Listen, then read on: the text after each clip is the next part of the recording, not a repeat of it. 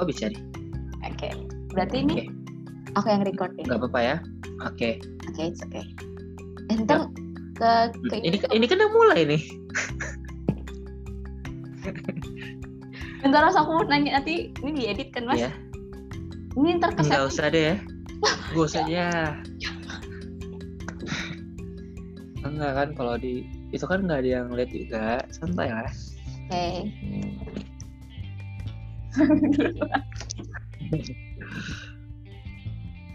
Tapi bisa sih gampang nanti gampang. Oke. Oke, jadi kita Apa mau ulang aja? Gimana sih mbak? Eh, jangan mas, ntar nggak apa nanti mas nanya gitu. Gak apa-apa langsung upload aja semua. Oke, kita mau ngomongin apa nih mbak?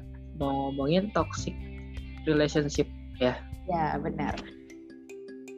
Nah menurut mas, Apa apa tuh mbak? Toxic relationship. Udah aku mau nanya duluan. Eh, kalau misalnya Gimana? kalau misalnya kita bedah nih mas, kan dia Soalnya uh, uh, kan banyak cewek tuh yang ngerasa toxic toxic relationship gitu. Oh, gitu. cowok kan biasanya bodoh amat. Oh jadi lebih yang lebih Iya. peka itu tuh lebih cewek ya? Iya bener. Kayaknya sih. Kayaknya. bisa bisa, bisa jadi kalau menurut aku sebenarnya kalau misalnya kita lihat nih ya mas eh, toxic relationship itu kan dia ada dua kata ada toxic sama relationship ya. kalau misalnya kita lihat toxicnya sendiri ini kan eh, sebenarnya semua zat itu kan dia bersifat toxic ya kalau misalnya dia berlebihan nah jadi Eh, oh ya. nah jadi Bener kalau bener bener. misalnya di suatu hubungan toxic relationship kenapa dia bisa disebut toxic pasti salah satunya tadi yang berlebihan entah Mm-mm. apa pun itu misalnya hal negatifnya atau hal positif menurut aku sih. Itu toxic Tapi ada juga sih kayaknya yang nggak berlebihan tapi jadi toxic. Ah, apa itu coba? Kalau salah satunya nggak, kayaknya kalau salah satunya nggak eh, apa ya simpatik, punya rasa simpatik atau empati, kayaknya bakal jadi toxic juga tuh. ah benar-benar ya bisa jadi bisa jadi. Nah karena menurut aku ya karena ada kata selanjutnya itu ada hubungan yang artinya itu ada interaksi eh, orang-orang ya berarti lebih dari satu orang pasti butuh dasar suatu hubungan. Misalnya saling eh, saling apa ya saling menghormati terus saling eh, empati. Nah itu mungkin yang Hmm. kalau misalnya dasar-dasar dalam suatu hubungan itu tidak ada dia bakal jadi toxic yang kayak tadi Mas Camin bilang. Dia nggak selalu me- tentang berlebihan tapi kalau misalnya dasar-dasar dalam hubungan ini nggak ada dia.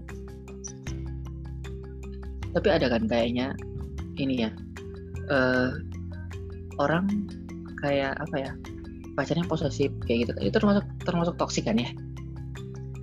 Eh, menurut aku tergantung orangnya ya mas dia tuh Nah, bisa iya. itu Nah, toxic apa enggak karena Maksud ada maksud- juga orang-orang yang dia seneng kan di posesif ya Nah itu Iya. maksudnya kayak gimana sih eh, batasan toksik itu kak Eh, kayaknya cuma cuma masing-masing kan sebenarnya toksik kadang-kadang iya. yang ngejalanin yang ngejalanin merasa nyaman tapi yang ngelihatnya kayaknya mereka toksik deh kayak gitu kan. Kalau misalnya aku sendiri ya mas eh, menilai Heeh. hubungan aku tuh toxic apa enggak, aku biasanya Mm-mm. lihat lebih banyak senangnya atau eh, enggak. Jadi kalau misalnya Hmm, masih banyak, lebih, senangnya- lebih banyak senangnya apa Iya. lebih banyak nangisnya gitu ya ya benar benar benar. Jadi kalau misalnya aku nilai nih suatu hubungan aku toxic apa enggak, aku ngeliat dulu nih aku Mm. sama orang ini lebih banyak senangnya apa enggak. Kalau misalnya aku sama dia masih banyak senangnya, aku masih tetap jalan. Hmm. Sih mas. Nah kalau misalnya mas Camim, jadi eh, gimana cara menilai suatu hubungan eh, itu toxic apa enggak? nah ini nih aku nggak tahu ya soalnya selama ini menjalani pertemanan atau apa pun itu namanya kayak hubungan gitu. Ya. oke oke aja sih. Jadi belum pernah mengalami toxic relationship. paling kan ujung-ujungnya kalau udahan ya yang nggak cocok. Ujung-ujungnya kayak gitu kan. Kalau toxic tuh makanya agak bingung orang toxic tuh kayak gimana sih kayak gitu. Karena kita yang ngelihatnya misalnya itu toxic tapi menurut mereka enggak. Ya itu kan bisa juga kan? Benar-benar bisa bisa jadi. Eh, kemarin kan ada sempat juga tuh rame yang lihat apa postingannya Arif Muhammad nggak? Yang masalah apa sih yang Kayak cowoknya minta minta bayarin ceweknya terus kalau Oh, makan itu Oh, loh. iya, iya. yang first date Yang- itu bukan? iya iya. Mhm. ya nggak harus first date sih bisa kapan pun gitu kan. Iya, ha. nah itu gimana sih? Toxic apa enggak sih? Karena aku nanya-nanya sama teman ya. Ada juga teman yang kayak gitu tapi ya katanya karena sudah suka sayang gitu kan jadinya ya udah terima konsekuensinya. Kan kayak gitu juga. Ya. Oh yang kasusnya yang Arif Muhammad itu berarti eh, itu gimana mas? Si cowoknya bayarin ceweknya atau? Bukan yang ceweknya yang ba- yang cowok yang bayar yang bayarin gitu. Oh ceweknya yang bayarin? Mm-mm. Eh, aku mau ini bayarin dong kayak gitu. Nah itu yang ngomong kayak gitu cowoknya ke cewek. Hmm. Nah menurut aku kalau misalnya ceweknya itu menganggap itu bukan suatu masalah ya berarti nggak nggak nggak toxic kan? Siapa tahu nah itu. love nah itu. ceweknya itu malah nah dengan itu. memberi. Dengan memberi Ya, dia memang. jadi merasa dicintai atau gimana gitu ya kan? Memang suka juga ceweknya kan mungkin. Benar benar benar. Jadi emang menurut aku ya mas eh, yang bisa menilai suatu hubungan itu toksik apa. Enggak itu ya kembali lagi Mm-mm. ke diri kita sendiri. Mm-mm. kayak apa ya?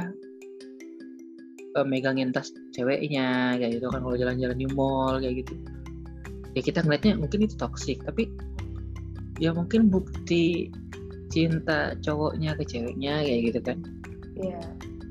Atau ngecek saling ngecek handphone segala macam itu kan kadang-kadang dibilang orang toksik juga ya iya kat, bilang katanya nggak ada privacy lah Mm-mm, mm-mm. tapi kalau aku nggak sih sampai situ ya Eh, kalau misalnya mas buka, buk, buk, buka HP gitu ngapain gitu eh, Yes. Karena kalau apa ya? Kalau udah punya hubungan, ya udah percaya aja pasti deh. Percaya aja. Kalau aku ya, kalau aku nggak bakal nggak bakal bikin dia ragu kayak gitu.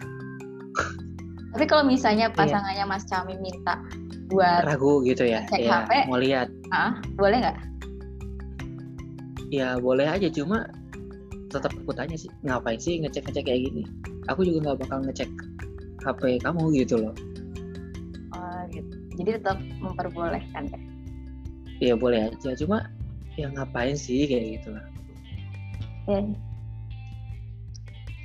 Eh, kalau misalnya aku mas, sebenarnya aku tuh kalau misalnya dalam Mhm. hubungan percintaan aku nggak pernah mengalami toxic relationship. Tapi biasanya aku tuh bukan biasanya sih. Ini aku pengalamanku aku pernahnya adalah eh, sama temen Hmm. mengalami toxic relationshipnya. Gitu. Kenapa aku bisa menilai itu toxic relationship? Karena oh iya bisa juga sama teman ya ya karena kan hubungan tuh kan luas ya mas, bisa sama teman, bisa iya sama sama sama pasangan atau sama keluarga atau iya sama benar-benar gitu kan. Nah kalau misalnya Iya. sama pasangan aku eh, sejauh ini belum pernah ngalamin. Tapi kalau Mhm. misalnya sama eh, temen aku pernah ngalamin toxic relationship. Nah kenapa aku Mhm. bisa bisa beranggapan itu adalah suatu hubungan yang toxic karena Toxic, ya ketika aku sama temenku aku juga nggak bisa eh, aku ngerasa aku ngestak di tempat jadi aku nggak Mhm. bisa nggak bisa berkembang untuk entah menjadi oh diri aku yang lebih baik lagi nah itu itu Iya. juga mungkin eh, bisa jadi untuk identifikasi apakah hubungan kita ini toxic Iya. apa enggak adalah ketika kita merasa kita ngestak dan kita nggak bisa berkembang atau bisa menjadi diri kita sendiri nggak sih bawah lingkungan teman ya benar benar benar benar. Iya.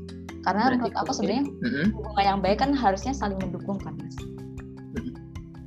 Berarti orang yang paling mudah terpapar toxic relationship itu anak-anak dong? Kenapa? Karena anak-anak itu kan dia tergantung lingkungannya tuh kalau lingkungannya buruk ya ikut buruk juga. Karena kan toxic toxic relationship kan gak cuma sama pacar gitu ya. Hmm, tapi juga bisa dengan orang sekitarnya kan? Benar benar. Dengan bertetangga gitu kan? Benar benar. Bisa jadi karena juga anak-anak kan dia belum bisa uh, memilih mana itu baik dan benar kan? Jadi iya. menurut dia apa yang dia alami itu ya ya udah apa netral aja gitu. Tergantung stimulus yang datang ke dia. Atau bukan paling banyak anak-anak cuma kita itu sudah mengalami sebenarnya toxic relationship itu dari kecil gitu mungkin. Oh, ya bisa jadi cuma kita nggak sadar nah, aja. itu nggak sadar aja. Ah. Karena karena apa trennya toxic relationship itu sama pacar gitu. Oh iya benar benar.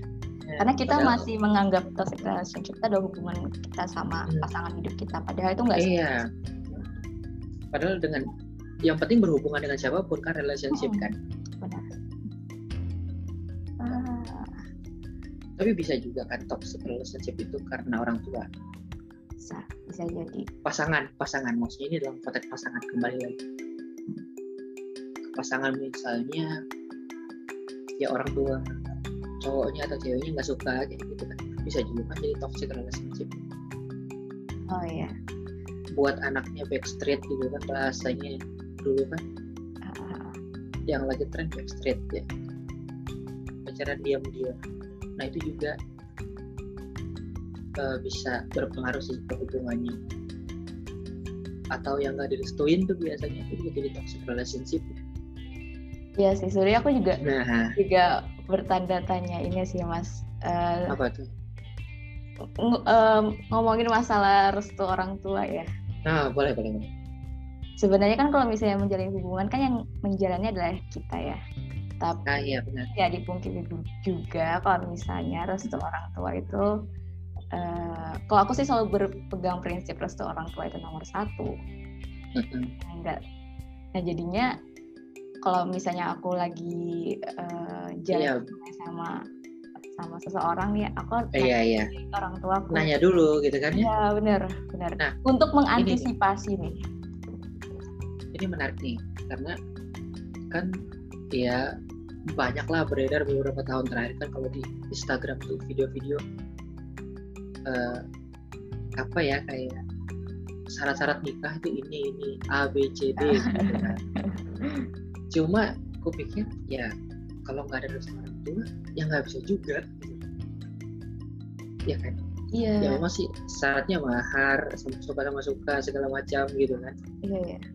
Memang nggak tertulis adanya restu orang tua secara langsung gitu kan, tapi tapi ya mau jadi apa gitu kayaknya nggak bakal jadi deh kalau nggak direstuin gitu ya bakal berantakan juga kadang-kadang kata orang kan yang jalanin kita tapi kita ya. suka gitu kan ya ya aku sering banget dengar ini sih mas sebenarnya yeah. yang jalanin kita jadi uh, kenapa restu orang tua itu penting nah menurut hmm. Mas Camin kenapa restu orang tua yeah. itu iya. penting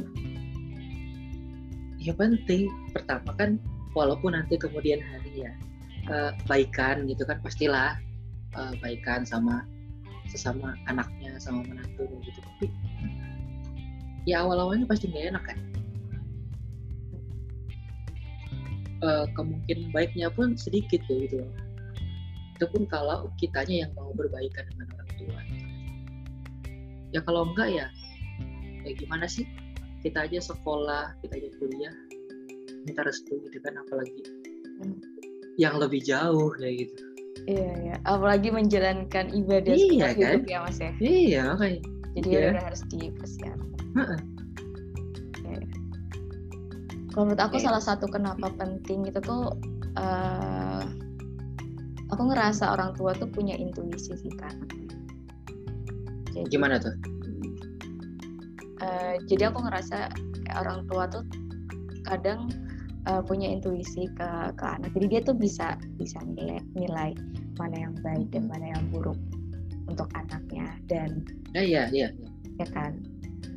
Uh, dan apa ya doa doa orang tua aku orang tua kan juga gampang dijawab nggak sih mas? Iya langsung lah kalau bisa dibilang ya. kan kayak gitu langsung ya benar-benar. Mungkin memang nggak mungkin nggak saat itu ya mm-hmm. efeknya. Tapi beberapa tahun atau beberapa waktu ke depan ya pasti kerasa. Kerasa tuh. Uh, selain itu kan juga biasanya orang uh, untuk nikah misalnya kan kita ngomongin ke sana ya kita restu orang tua uh, punya kerja apa gitu kan. Atau pendidikannya gimana gitu kalau menurut mbak gimana yang oh ya, pendidikan atau kerjaan kan biasanya kayak gitu ya orang uh, ditanyainnya Iya, menurut aku kenapa orang tua uh, sering nanya tentang pekerjaan dan pendidikan dia mm-hmm. untuk yeah, memastikan benar. memastikan bahwa anaknya itu kehidupan anaknya yang bersama orang ini nih mm-hmm. bakalan bakalan lebih yeah. baik atau bakalan yeah. baiklah jadi itu apa ya salah satu cara untuk memastikan mereka aja karena kan apa ya mungkin aku juga nggak tahu ya perasaan orang tua ketika anaknya menikah itu seperti apa tapi yeah. ada satu sisi pasti mereka kehilangan anaknya kan mm-hmm. karena mereka melepas anaknya ke seseorang yang kayak tiba-tiba muncul aja gitu di kehidupan iya benar nah mungkin salah satu caranya untuk meyakinkan hati mereka itu dengan menanyakan tapi uh, kerjaan kalau mbak penting perlu dua hal itu? Hmm, uh, menurut aku penting, tapi dia nggak termasuk dalam prioritas uh, tiga nah. prioritas yang paling atas. Jadi Oke, okay, uh, coba apa? Coba apa? Gak apa-apa dong, bagi-bagi. Jadi nanti aku juga bagi, ya. Oh iya, iya oke. Okay. Uh, prioritas yang pertama aku tuh yang tadi aku bilang uh, bah kalau mis uh, harus da uh, harus dapat restu bukan orang tua sih mas lebih tepatnya keluarga gitu jadi aku pengen okay. iya. uh, kedua keluarganya tuh menyetujui aku dengan dia iya. gitu itu yang uh, hmm. yang pertama iya ya. Yang kedua aku agama sih karena juga pasti dong namanya iya ibadah dong. kan iya dong nah. oh, maksudnya maksudnya sama agamanya atau agama apa? Uh, pendalamannya mungkin. Iya, uh, oh, ya, pendalamannya. Ya, pendalamannya agama. Iya, oke. Okay. Okay. Uh, yang bisa buat aku yakin deh kalau misalnya sama dia.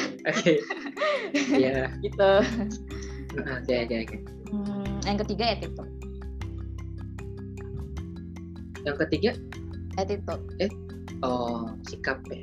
Iya, yang ketiga attitude yang dua tadi ke mana tuh nggak nggak nggak prioritas maksudnya uh, yang dua hal oh, tadi kalau misalnya aku pekerjaan sama pendidikan itu uh, bonus aja sih kalau misalnya aku dapat uh, teman hidup nanti yang dia pekerjaannya bagus atau pendidikannya bagus menurut aku itu bonus. Yang penting dia dalam tiga hal itu tuh udah terpenuhi.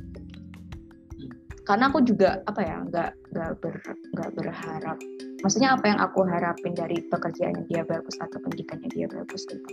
Kadang uh, orang yang pendidikannya uh, tinggi tapi attitude-nya juga nggak nggak baik itu buat apa kan?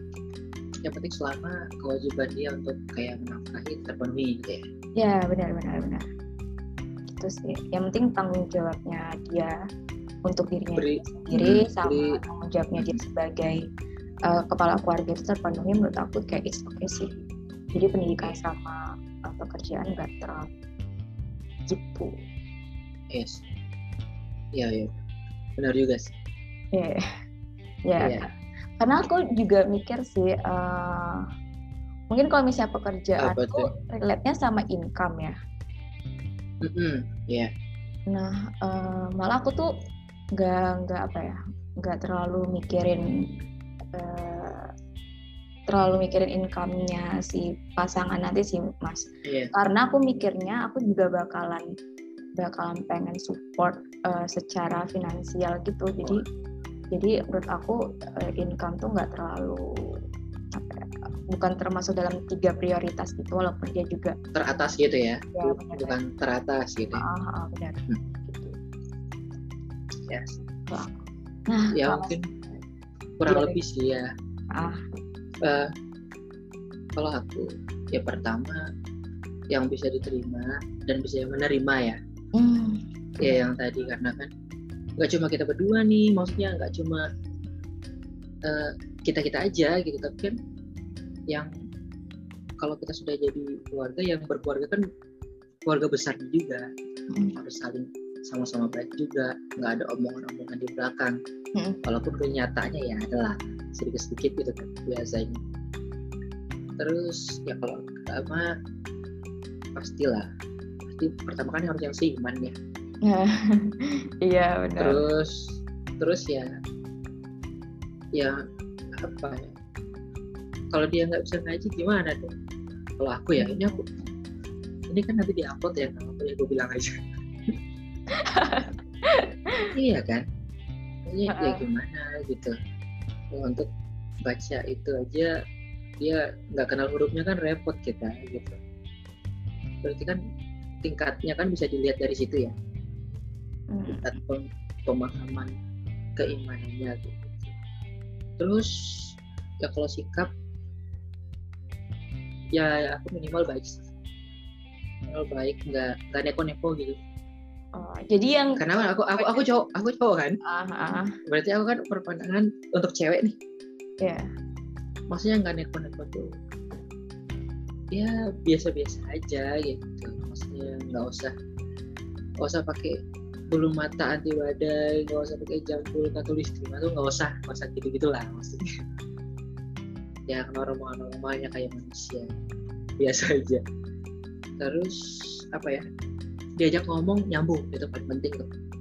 iya udah Nah. udah udah ya gimana ya Nah, soalnya eh, kita aku aku cerita aku cerita Ah. ah, ya aku cerita ya maksudnya aduh berapa kali sih ketemu atau kenal ya dia nggak bisa ku ajak ngobrolin tentang apa pun kayak gitu ah wawasannya luas karena nggak tahu yang mbak kan perempuan juga ya kalau yang aku baca kecerdasan anak itu diambil dari ibunya kan dominan ya Nah kalau kalau dia cuma taunya fitur-fitur Instagram sama fitur-fitur TikTok, aduh repot. Wawasannya nih kayak gitu. Karena dia kan nanti ya minimal dia ngajarin anaknya walaupun kan sama-sama ya. Itu kalau diajak ngobrol nyambung, itu nyaman ya. Kayak gitu. ya aku setuju sih sama yang Mm-mm. eh, komunikasinya se sefrekuensi gitu dan nggak mau eh dan nggak mau dan nggak membatasi diri dengan hal-hal baru gitu atau pengetahuan pengetahuan pengetahuan baru kayak gitu nggak bodoh amat lah berarti yang mau berkembang Iya. terus ya nah iya dong iya iya. berarti aku mau nanya ini nih eh, ngomongin Nah, gimana? berkembang ini aku jadi, jadi Mm-mm, mm-mm. pengen pengen nanya sama Mas Camin kalau Hmm, misalnya Mas boleh. Camin lihat eh, perempuan dia yang misalnya oke eh, belajar sekolah terus terus tuh pengen mengeksplor hal-hal baru itu tuh gimana mas?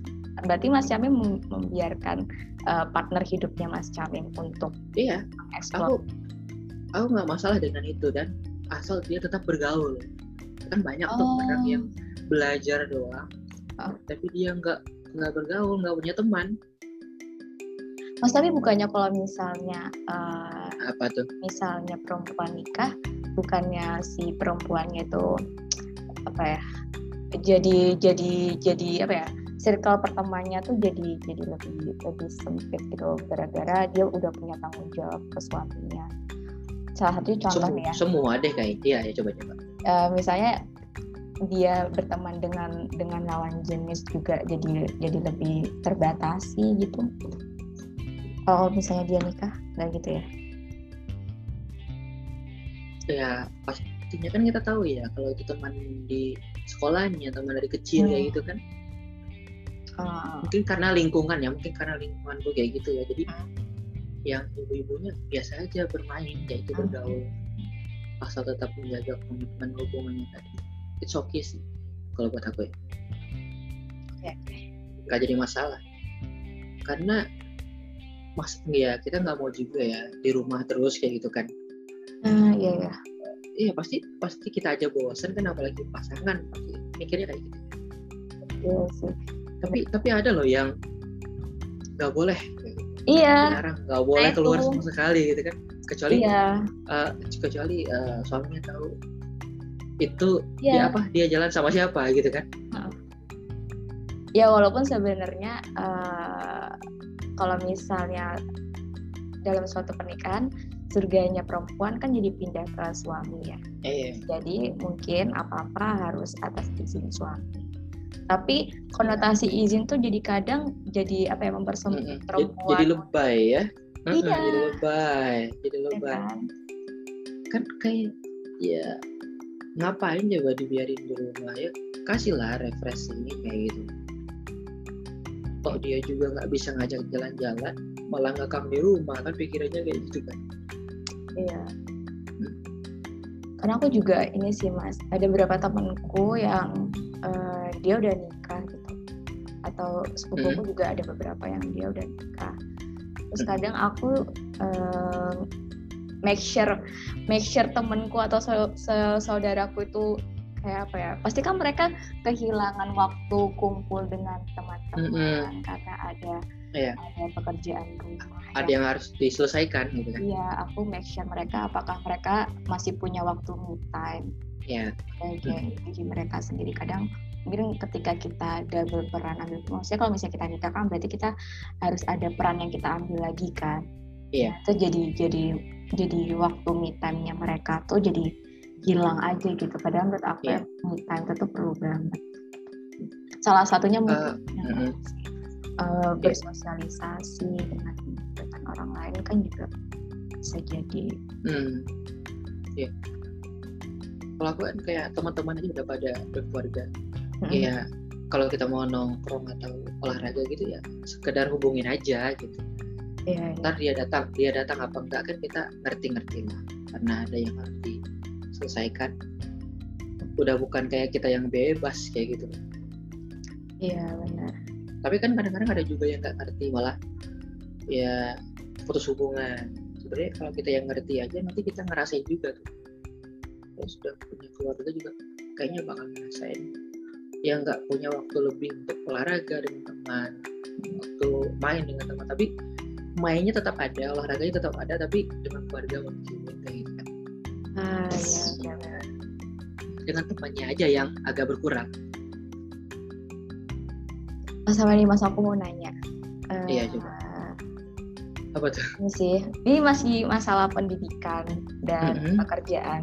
Nah kalau misalnya nih Mas Kamim punya teman hidup nanti yang dia eh, entah Hmm. pendidikan atau pekerjaannya tuh lebih lebih satu Oke. tingkat atau lebih berapa tingkat Hmm. Mas Kamim gimana? berarti cewek ya cewek ya ya cewek Mhm.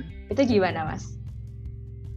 Ya biasanya itu ditanyakan ke cewek ya Nah, kalau misalnya pasangannya Mas Camim dia misalnya Ah, jabatan pekerjaan yang lebih tinggi Mhm. daripada Mas Mhm. Camim atau secara income lebih tinggi atau pendidikannya yang lebih tinggi itu gimana Mas?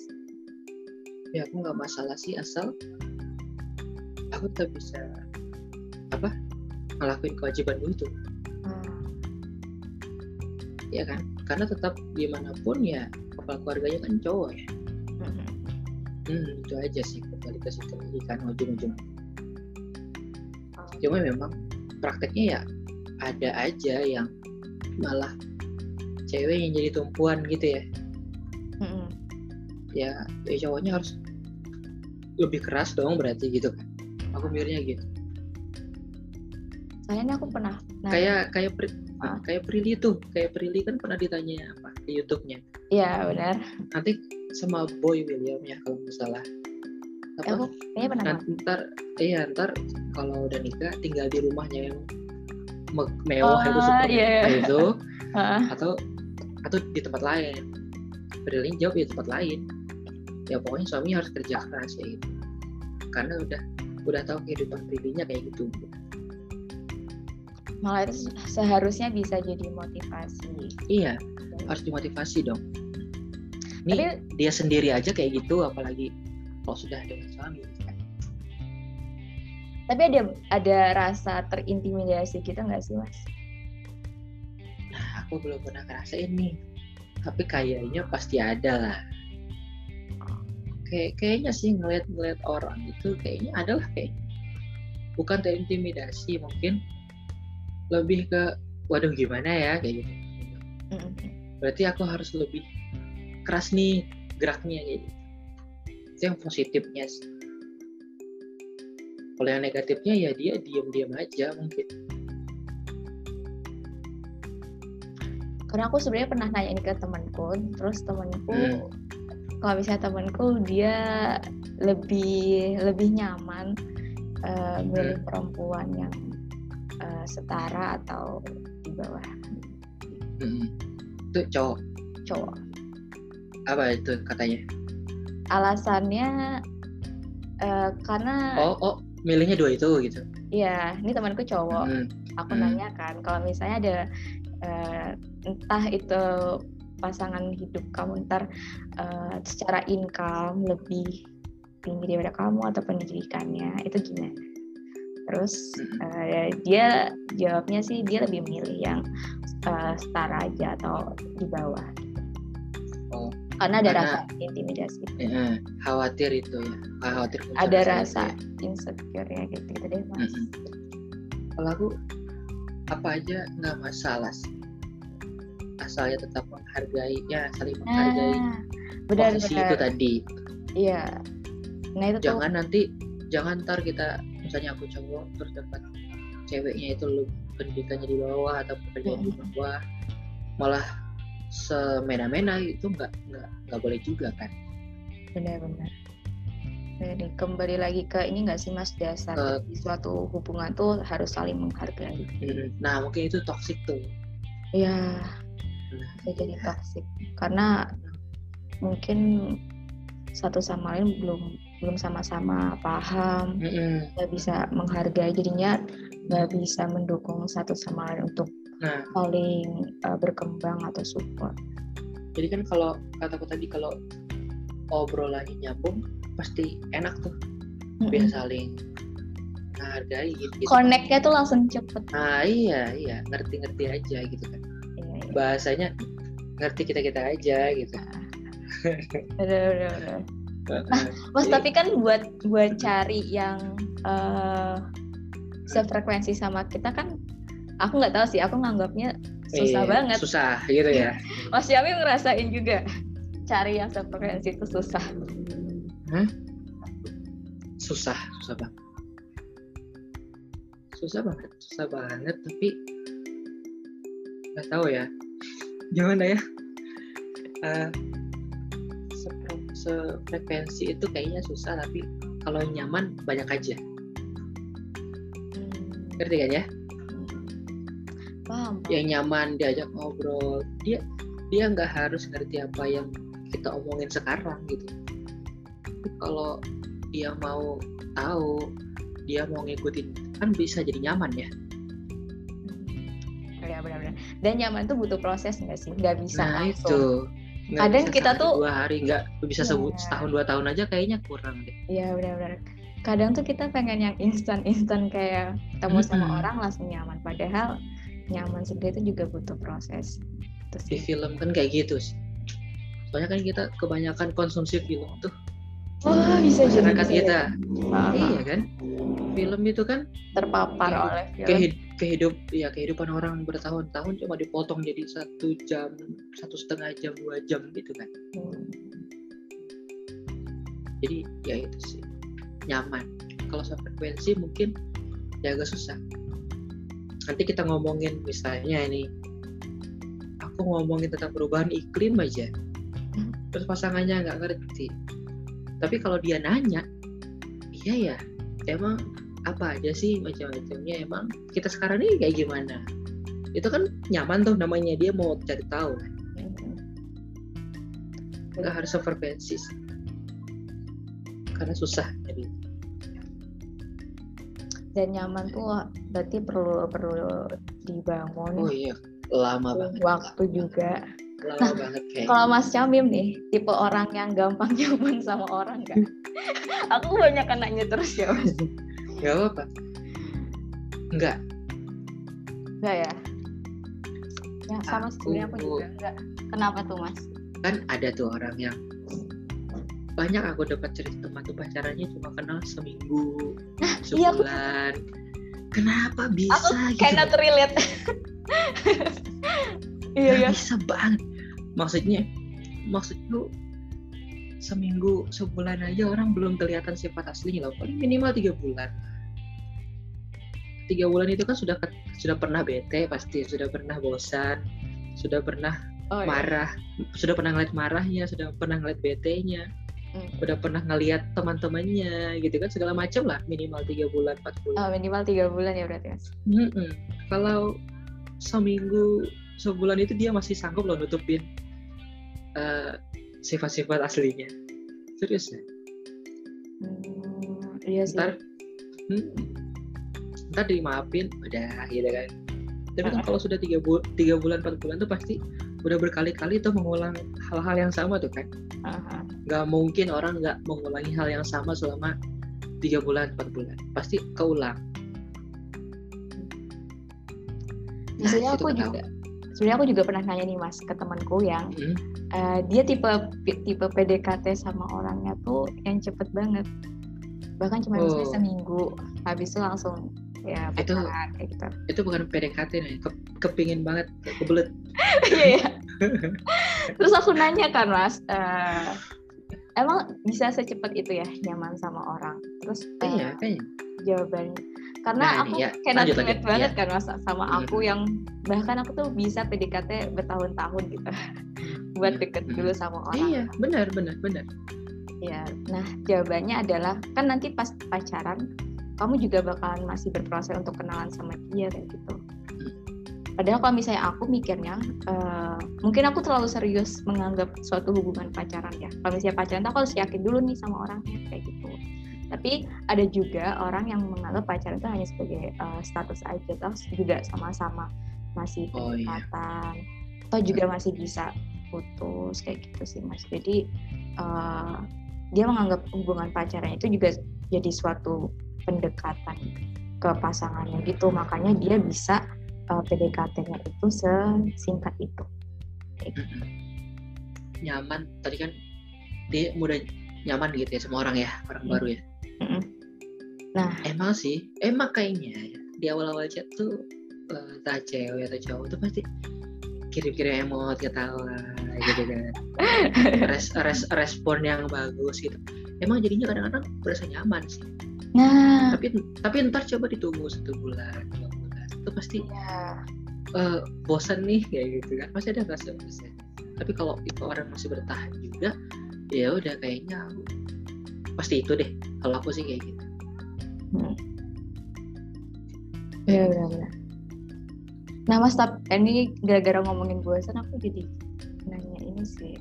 Uh, emang kalau misalnya kita udah nyaman sama orang itu pasti kita nggak bakal berasa bosan ya? Nah atau nih, mungkin? aku aku dapat aku dengar dengar podcast kan lalu. Aku ngikutin sih beberapa podcast orang-orang tuh. Heeh. Eh, kita tuh kebanyakan nyari apa ya? Agak lupa kita tuh bukannya nyari kita tuh ya dalam pasangan harus yang dicari kita tuh apa sih yang bikin kita suka? Sama dia. Jadi kan nggak bisa hilang tuh. Kalau kita dapat itu kita nggak bakal bisa bosan. Karena itu ada di dia terus. Hal yang bikin kita suka sama orang ini. nih. Jadi jangan cuma suka aja atau jangan eh, jangan nanya apa yang kita suka dari dia gitu tapi kita harus nyari kita suka apa sih kayak gitu Ngerti nggak? Paham, paham. Jadi sebenarnya memvalidasi perasaan Nggak, kita. agak agak agak repot belibet nih kalimatnya Ini bisa sih, kita suka bisa Ah. kita suka senyumnya ya udah itu nggak bakal hilang dari dia kan karena setiap dia senyum pasti kita suka tapi kan gitu semua orang tuh bisa berubah nggak sih mas? Ada orang ya, yang ya makanya cari apa yang nempel di dia yang kita suka yang mungkin dia nggak bakalan berubah. iya enggak kitanya yang nggak bakal bosan jadinya karena itu ada nempel terus di dia gitu misal eh, aku suka karena wawasannya. Nah, itu Hmm. nggak bakal hilang tuh. Nggak bakal hilang. Pasti suka terus diajak diskusi terus nyambung terus gitu kan. Jangan yang baru dilihat sebulan dua bulan tadi makanya kan harus kita cari tuh selama masa Pendekatan. katanya tadi katanya. Iya. Jangan tiba-tiba nyaman aja terus ditembak iya deh aku mau deh aku mau gitu kan Soalnya kadang tuh kita suka eh, di dibohongi oleh perasaan kita sendiri tanpa sadar ya nggak? Sama orang-orang yang terima ketika ditembak dalam waktu singkat terus nerima itu antara dia emang ngerasa nyaman sesaat itu atau apa ya kayaknya?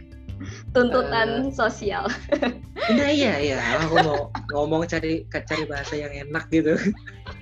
Iya tuntutan sosial. Iya iya udah udah. Daripada daripada nggak ada kan ini ada nih yang nembak terima aja kali ya gitu Iya Iya. iya benar.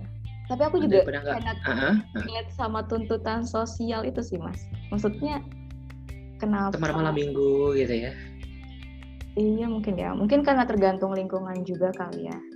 aku nggak pernah jalan malam minggu Aku juga karena Jogja rame Karena banget kan. rame banget Iya. Iya, di, di man- di mana pun lah kayaknya ya Oh, iya. maksudnya eh, kita jalan terus sekota itu jalan juga gitu jadi jadi nggak extraordinary aja gitu lah nggak spesial banget malam sejuta umat gitu kan maksudnya kenapa nggak sih nggak Rabu malam Kamis malam gitu atau Jumat malam gitu kan Mungkin Jadi karena Sabtu- kali ya, ada Iya. aktivitas besoknya kan mas.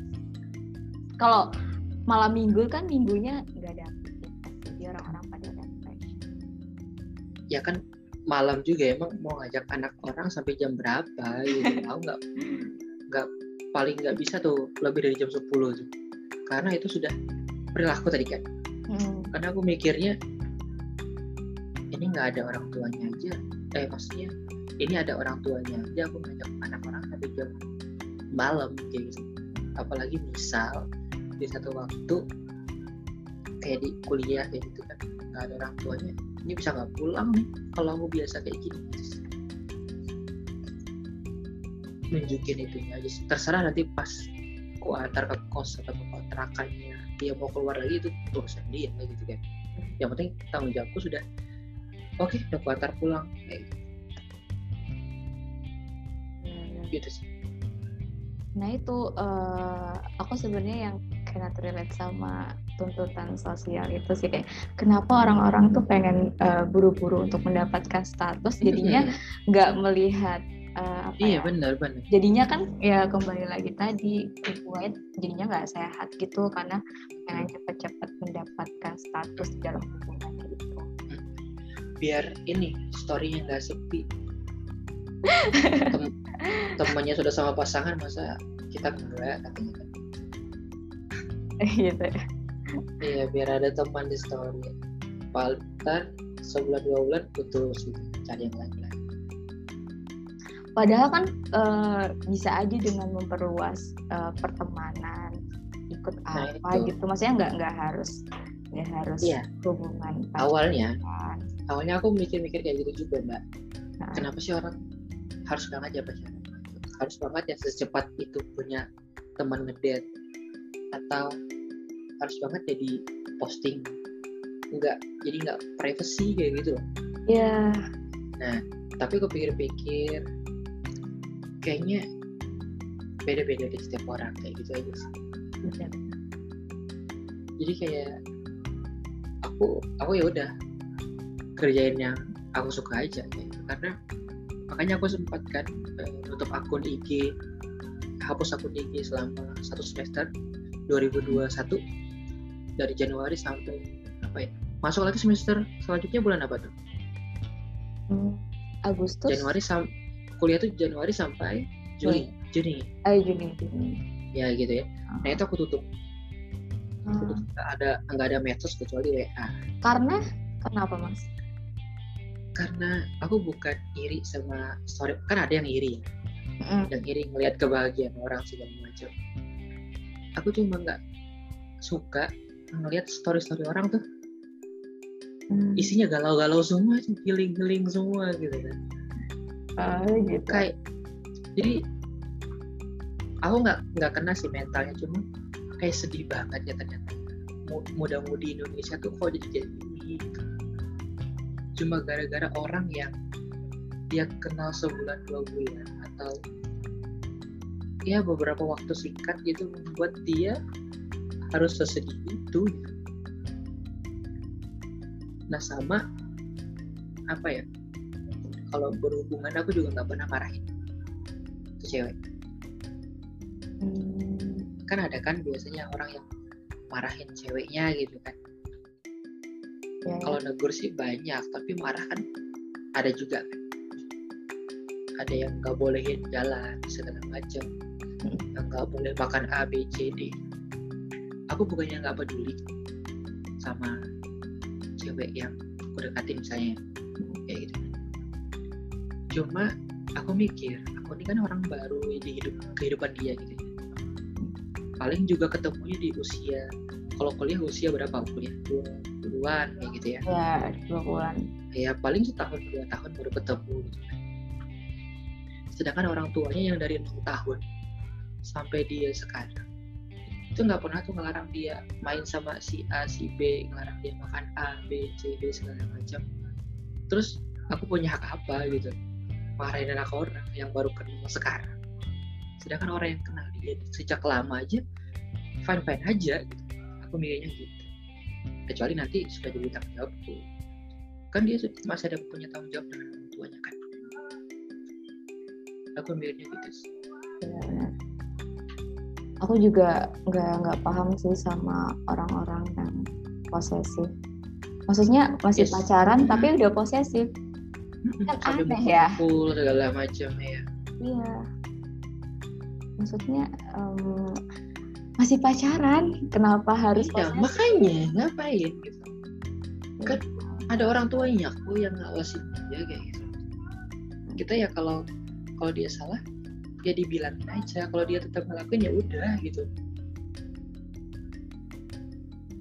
Tapi harus gue, repot? gue bisa jadi mm-hmm. masalah kalau misalnya uh, perempuannya atau pasangannya itu dia tipe yang butuh perhatian. Bisa ya, jadi. ya bisa jadi uh, dianggapannya adalah si si pasangan ini kurang kurang peka lah, kurang perhatian lah. Nah, gara-gara dia tidak hmm. seposesif Ngom gitu. Ngomongin peka ya, hmm. aku tuh kayaknya pernah bikin apa sih tulisan kecil singkat gitu ya tulisan singkat.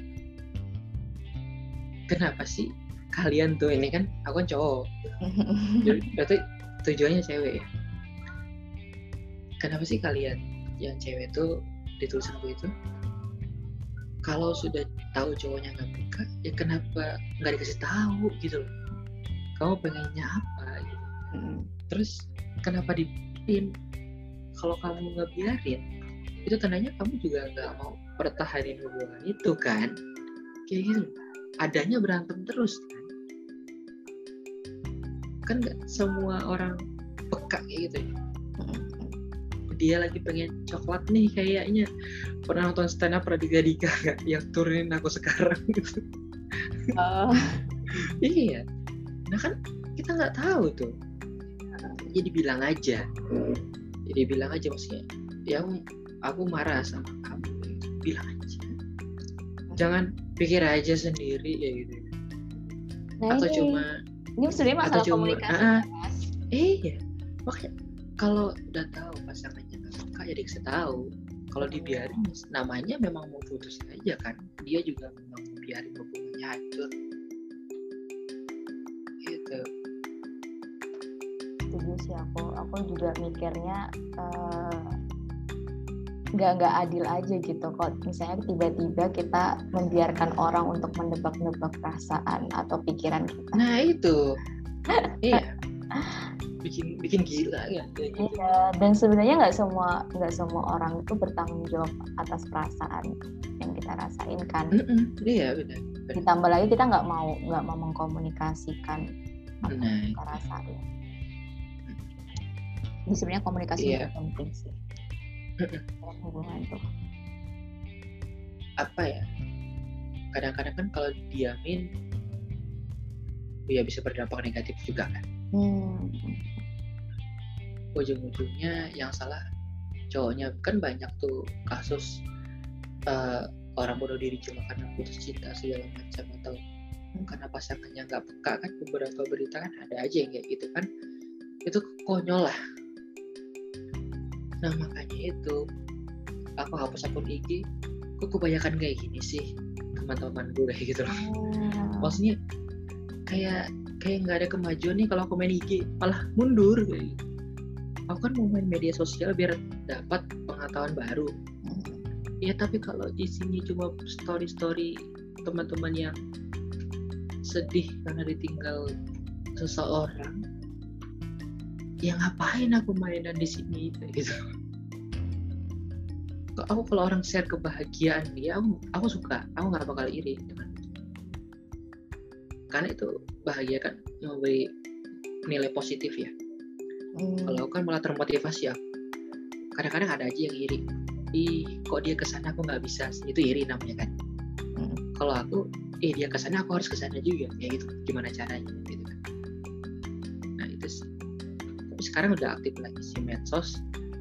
Temannya dipilih-pilih aja. Nah, kenapa akhirnya balik lagi mas? Atau udah merasa Ah. lebih lebih baik atau lebih tenang? oleh aku oleh aku mainan ini. Kan perlu dipromosin itu aja Oh, sih sesimpel itu sesimpel itu gara-gara bikin podcast. iya iya sesimpel itu aja kan nggak ada media yang lain tuh ya Iya. udah deh dan temannya pun dipilih-pilih Oh gitu. Mm-mm. Sebenarnya juga daripada sih, Mm-mm. eh, apa ya? Menurut aku nge-hide Instagram atau story orang itu juga nggak apa-apa sih untuk ketenangan kita. Iya. Nggak nggak nggak nggak masalah aku. jadi rasanya tanpa medsos ya enam bulan kemarin tuh kayak lebih hidup gitu loh Ngerti ya? Hmm. kan biasanya kita ngeliat story orang sampai rebahan tuh ke bawah kan Iya bener. ke bawah Nggak lihat tweetan kayak- orang Mm-mm. lihat twitter orang tweetan orang di twitter ke bawah gitu atau niatnya emosi ikut pengen ikut berantem Nah, tapi kalau cuma ada WA ya WA isinya ya grup grup pun ya grup lah kayak gitu. Grup is grup gitu kan. Iya. nggak res respon seadanya juga nggak masalah kan. Itu paling chat personal. Jadi kalau ada orang nongkrong ketemu langsung gitu. Jadi eh, nggak banyak habisin waktu di gadget. Gitu Hmm. karena aku juga apa ya khawatirnya ya emang sih dunianya digital ya dunia sekarang kan cuma ketemu secara langsung itu meningkatkan apa ya eh, ke kesehatan mental sih. Hmm. kita bisa ngomong langsung dengan orang langsung gitu kan beda loh dengan di chat ya Iya. ya nggak sih Aku Beda juga ya. tipe orang yang eh, nggak terlalu suka chat. Iya Kalau misalnya mau ngomong mending aku langsung kayak ya udah ngobrol Mm-mm. langsung. Kalau misalnya bisa ketemu malah malah enak lebih enak ketemu kan mas. iya di luar juga banyak kegiatan bisa nonton bola ya bisa nongkrong apa kayak minum kopi kayak walaupun bahasanya ngopi sampai kafe minum susu minum air teh gitu kan Maksudnya non coffee. iya tapi kan sehat tuh mental kita kan terjaga ya ketemu orang lain. Nah Mas Camim selama eh, off Instagram ngisi waktu luangnya dia ngapain mas? nulis. Hmm. eh, ngembangin web kan. Ada web juga. Terus apa ya paling nongkrong sama teman kalau ada waktu luang. Eh, ya itulah. Ya kuliah pasti kan Oh iya. semester semester satu sama tiga digabung oh iya ya. Eh, tapi Iya. bukannya hmm, Januari Januari Juli kan berarti Mas Camim lagi tes tesis tesis nggak sih di semester tiga kan? iya mm-mm. off off lah jadi ngerjain yang lain aja yang kayak gitu gitu tadi nulis nulis gitu karena aku pikir kenapa uh, banyak waktu ketika dia bisa nulis ya Hmm. karena tadi yang aku bilang gak semua orang tuh wawasannya sama dengan kita kan Hmm. makanya aku berapa kali ketemu teman atau pasangan tuh aduh berat minta ampun Hmm. ngomongnya ya apa ya nggak bisa ngomongin tentang yang agak berat sedikit kayak gitu nggak bisa gitu loh. Jadi kan nggak bisa berbagi pikiran makanya aku tulis aja. Sampai di apa di kalimat awal webku tuh menulislah karena nggak semua orang mau mendengarkan apa yang kita omongkan. Jadi kita tulis aja. Kita debat sendiri tulisan kita bisa. Kadang Iya juga nggak semua orang itu pendengar yang baik nggak sih? Iya. Eh, ada pendengar yang baik kecuali dengan tema-tema kesukaan dia aja. Aku juga kemarin sempat eh, ngobrol-ngobrol gitu sih sama psikolog. Hmm. Terus eh, ya aku ngerasa aja sebenarnya circle aku makin sempit, jadi aku nggak bisa Iya. makan. Dan aku juga tipe orang yang nggak bisa menceritakan semua semua permasalahan hidup ke ke teman atau ke orang lain kan. Mm-mm. Mas. Jadi salah satu caranya itu menulis. Journaling itu tuh Iya. buat aku juga jadi eh, salah satu eh, coping untuk kita menyelesaikan suatu masalah. Mas. Iya. Benar. Jadi eh, apa ya? Kalau circle kan kalau dulu zaman SMA ya banyak ya teman-teman. Ya, makin ke sini makin dikit. nong, nong, nongkrong bertiga doang. Ditambah lagi pandemi, Mas. Iya. Ya tetap prokes sih ya. Ya kalau keresahan ya tulis. Kayak misalnya nggak suka sama tema apa eh, lagi intens sama tema-tema sosial. Ya dibuat cerpen-cerpen kayak gitu cerita-cerita pendek. Tapi pakai penokohan yang lain gitu-gitu kan. Jadi lebih enak sih ngomongnya Tapi tulisan-tulisannya Mas Camin buat itu berarti Mas Camin eh, upload di blognya Mas Camin. di web ada. Yang jadi buku ada? Yang jadi buku ada? Oh iya, iya. Oh, aku baru tahu. Apa Mas judulnya? Mana ya Oh, kalau ini nih eh, hasil dari skripsi ya leb- karena kan UAD ya jadi kan kampusnya bernuansa islami Eh, Jadi- tentang apa? jadi judul wow. ini Oh, secara masyarakat oke oke. Iya, tetap dong dalam kesehatan masyarakat dong. Ya di dibahas eh, sisi Islaminya ya. Iya, tapi cocoknya bukan untuk anak-anak remaja atau dewasa sih bukunya. Jadi Tapi cocoknya untuk anak-anak. Setelah aku tulis selesai dan aku terbitin, aku baca-baca. Kayaknya ini lebih cocok untuk anak-anak kenapa kenapa? Nggak gitu? cocok, nggak cocok untuk usia kita, nggak cocok. Kenapa gitu? Mungkin kalau mau baca boleh-boleh aja, cuma eh, manfaatnya lebih terasa untuk anak-anak karena isinya itu kalau eh ini ada loh ayat tentang hipertensi, ini loh ada loh ayat tentang penciptaan manusia, kayak gitu loh. Hmm, Ini ada loh ayat kenapa eh, manfaat wudhu dengan kesehatan. Kayak gitu. Kenapa orang Islam eh, kenapa apa apa cara paling mudah menghilangkan kutu ya berwudu kayak gitu segala macam macam kayak gitu loh jadi kayaknya lebih cocok untuk anak-anak dari buku ini. Tapi kan anak-anak nggak tahu tuh apa itu hipertensi. ya makanya di sini kan ada tekanan darah kayak gitu kan. Ada ayatnya maksudnya. Ya kan anak-anak yang mau belajar ya makanya itu gue bilang kayaknya lebih enak dipasarkan anak-anak karena mereka harus tahu lebih dini. Oh, benar benar benar. itunya sih. Setuju setuju.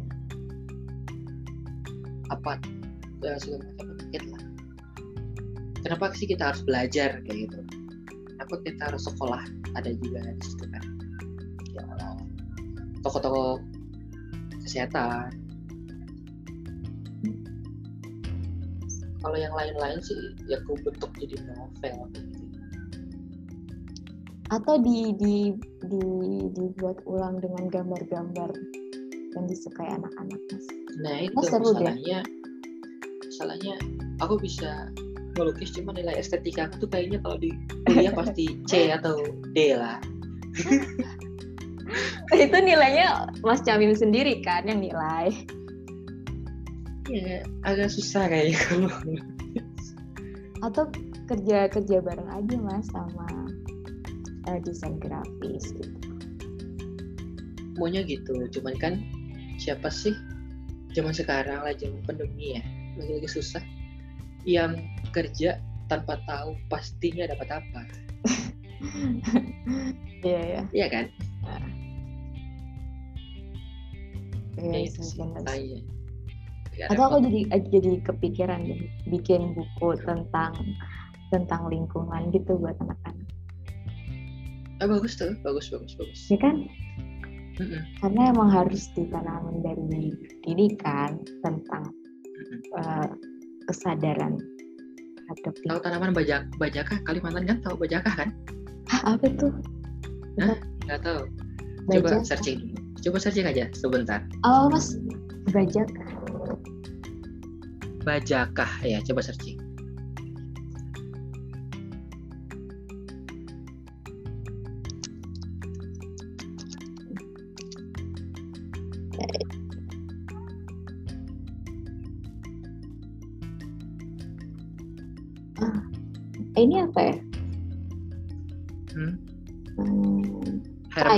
kayu gitu. Iya herbal gitu kan. Hmm. kenapa tuh bajak jadi obat. Eh eh, apa ya manfaatnya itu kan bisa untuk menyembuhkan segala macam penyakit. Hmm. tapi nggak diekspos tuh. Nggak tahu kenapa nggak diekspos gitu kan. Tapi nama juga obat herbal itu kan harus digunakan rutin baru dapat hasilnya. Ya kan? Bukan kayak obat di apotek apotek nah aku nulis tentang itu. Itu kan banyak orang nggak tahu. Dan ditutup beritanya ya. Nggak diekspos ya. Cuma di Kalimantan aja yang tahu. Itu pun dijual belikan di, ke luar negeri loh. Oh, kita malah nggak di kita. Kan Iya. orang luar negeri tahu manfaatnya kan. Nah aku buat tulisan itu juga tentang lingkungan. Eh, tanaman apa ya? Tanaman legenda kuno kayak gitu gitu lah jadi banyak orang yang nggak tahu tapi ada manfaatnya nah aku maunya buat ya kayak mbak tadi bilang buat anak-anak kan iya aku pernah baca bukunya Justin Gardner nggak? Enggak. Dunia Sophie, Dunia Ana, enggak ya? Enggak. Itu dia ahli lingkungan. Dunia Ana itu dia eh, bangun tidur, dia hidup tahun sekarang misalnya. Dia bangun tidur besok pagi hidup di tahun 2000 berapa gitu. Jadi hewan sudah nggak ada, pulau-pulau sudah tenggelam, eh, pemanasan global. Hmm. Nah, tapi dia yang ceritakan itu dalam bentuk novel. Gitu. Nah, jadi kayak gini nih bisa sih buku ini dijadikan bentuk novel. Jadi lebih ringan kan orang bacanya. Iya benar-benar Dan- menurut aku harus harus lebih banyak sih buku-buku supaya eh, kesadaran masyarakat untuk bacanya juga tinggi. Tapi masalahnya kita tuh kan kebanyakan konsumsi gadget ya di medsos ya, di IG Ya. atau Twitter, YouTube, yang yang itu nggak bikin kita mikir video-videonya tuh nggak bikin kita mikir jadi kayak instan ngerasa nggak Mbak? Ah, iya sih. jadi Benar-benar. benar. uh, uh, di, di- diperagain terus kita ketawa gitu kan jadi kita terimanya instan gitu kan ketawanya nggak harus mikir gitu nah itu kan nggak berat jadi buku-buku yang kayak gitu agak ke- ditinggal orang sayangnya itu Sebenarnya menurut Mas Camim eh, kenapa minat baca di Indonesia itu rendah? Karena karena kebanyakan konsumsi yang Gadget. ringan-ringan tadi. Hmm, oh bisa jadi kita, dopamin um, kita terbiasa dengan hal-hal yang instan. Iya. Yang remeh-temeh ya kan? Remeh-temeh prank uh, komedi. Komedi pun komedi yang bercandain orang kerjain orang gitu kan. Bukan komedi kayak stand up komedi itu dia mikir loh. Kita mikir kalau ngikutin jokes mereka kan bagus tuh kayak Panji Radit segala macam itu kan enak ya. Ada ilmu yang kita dapat Ernest kan. Tapi kalau prank ya susah. Kita cuma tahunya orang dikerjain kita ketawa gitu kan. Sih benar. Tapi malah malah tren itu tuh yang yang diminati masyarakat Indonesia, Mas. nah iya karena remeh temeh kan nggak perlu mikir menerima info ya itu nggak perlu mikir. Tinggal ketawa aja udah. Bahagia gitu. Gimana Mas cara nge-switch uh, supaya masyarakat Indonesia tuh bisa ke hal-hal yang hal-hal yang lebih lebih apa ya, lebih bisa bawa manfaat lah dibanding dibandingkan yang tadi. Cara cara nge-switchnya gimana? Kita Atau- kan banyak. atau sebenarnya ya udah masyarakat Indonesia emang emang begitu. Eh, ya emang gitu. Kita kan lebih banyak konsumtif ya. Dan yang produksi kayak kita nih berapa persen sih daripada yang menikmati nanti kayak gitu. jadi yang harus diubah tuh yang mem- yang membuatnya yang mengolahnya Oh, yang pemilik channelnya yang harus yang pemilik akun IG-nya yang harus mengubah isi kontennya iya, karena penikmat ya taunya yang menikmati aja kan benar-benar. Siap harus mikir. sering banyak-banyak uh, stimulus Iya. yang bisa membuat uh, apa ya kesadaran masyarakatnya itu berubah ya kayak kita aja mau makan ikan mau makan ikan apa misalnya ikan kakap ya tapi semua pasar di kota kita cuma jualnya nila ya mau nggak mau tetap beli nila kan Hmm. Iya kan? Benar-benar Hmm. kita mau konten kita mau dapat konten tentang eh, bumi itu datar apa bulat? Itu kan ilmiah tuh bis mikir. Tapi eh, di Indonesia yang disediain tentang prank tentang yang bercandaan remeh-temeh. Jadi kita nggak bakal dapat tuh tentang bumi itu datar apa bulat? Ujung-ujung kita ter- terima apa adanya kan? Kalau bumi itu datar bumi itu ternyata bulat kayak gitu Hmm, kayak sama lah kayak gue bilang tadi kita penasaran makan ikan kakap karena nggak ada kita beli nila. Ujung-ujungnya juga cuma dengar kata orang kan kalau kakap tuh nggak enak kayak gitu ternyata padahal enak kan kalau menyehatkan gitu. Analoginya kan gitu aja. Benar sih mas. Tapi sebenarnya ada juga nih mas eh, apa ya kalimat-kalimat yang bilang sebenarnya kan untuk memproduksi sesuatu itu tuh eh, kita ngelihat pasar atau Iya. ngelihat minat masyarakat. Jadi mungkin kenapa banyak channel-channel yang begitu? Karena mereka melihat masyarakat eh, Indonesia lebih tertarik ke iya. Nah, Mhm. itu pada jadi kan jadi sisinya kan mereka ngikutin ngikutin masyarakat Indonesia kan mas? Padahal tapi ya ya itu aku bilang tadi. Kita kan nggak bakal konsumsi kalau mereka nggak bikin gitu kan nah, iya. Ya Jadi itu. yang si- kembali si yang ngeproduksi ini juga menyalahkan si masyarakat padahal masyarakat Iya. itu yang Oh. produksi kan dap- dapat dapat penghasilan jadi mereka produksi terus Iya. jadi itu sih ya bikin apa ya jadi malas kayak gitu kan jadi eh, healing kayak gitu ya.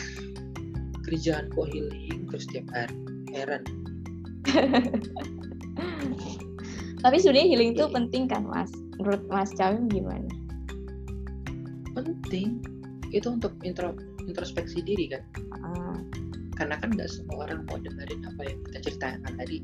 Jadi berdiam diri memilih sendiri memojok sesekali kan. Tapi perintahnya bukan setiap waktu. Berarti kan kalau setiap waktu sedih banget sih hidup ini kayak gitu. Sesedih itu kayak hidup ini. Harus setiap hari.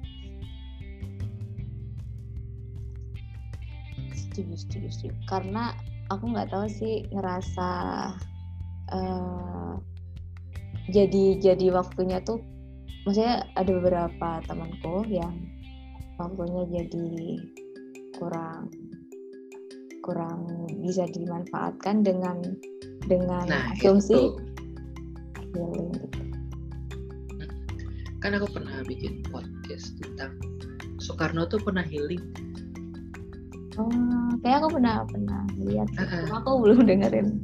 Itu bahas karena ya healing tentang healing maksudku uh, anak-anak umur sekarang belasan sampai 20-an tuh kebanyakan healingnya coba.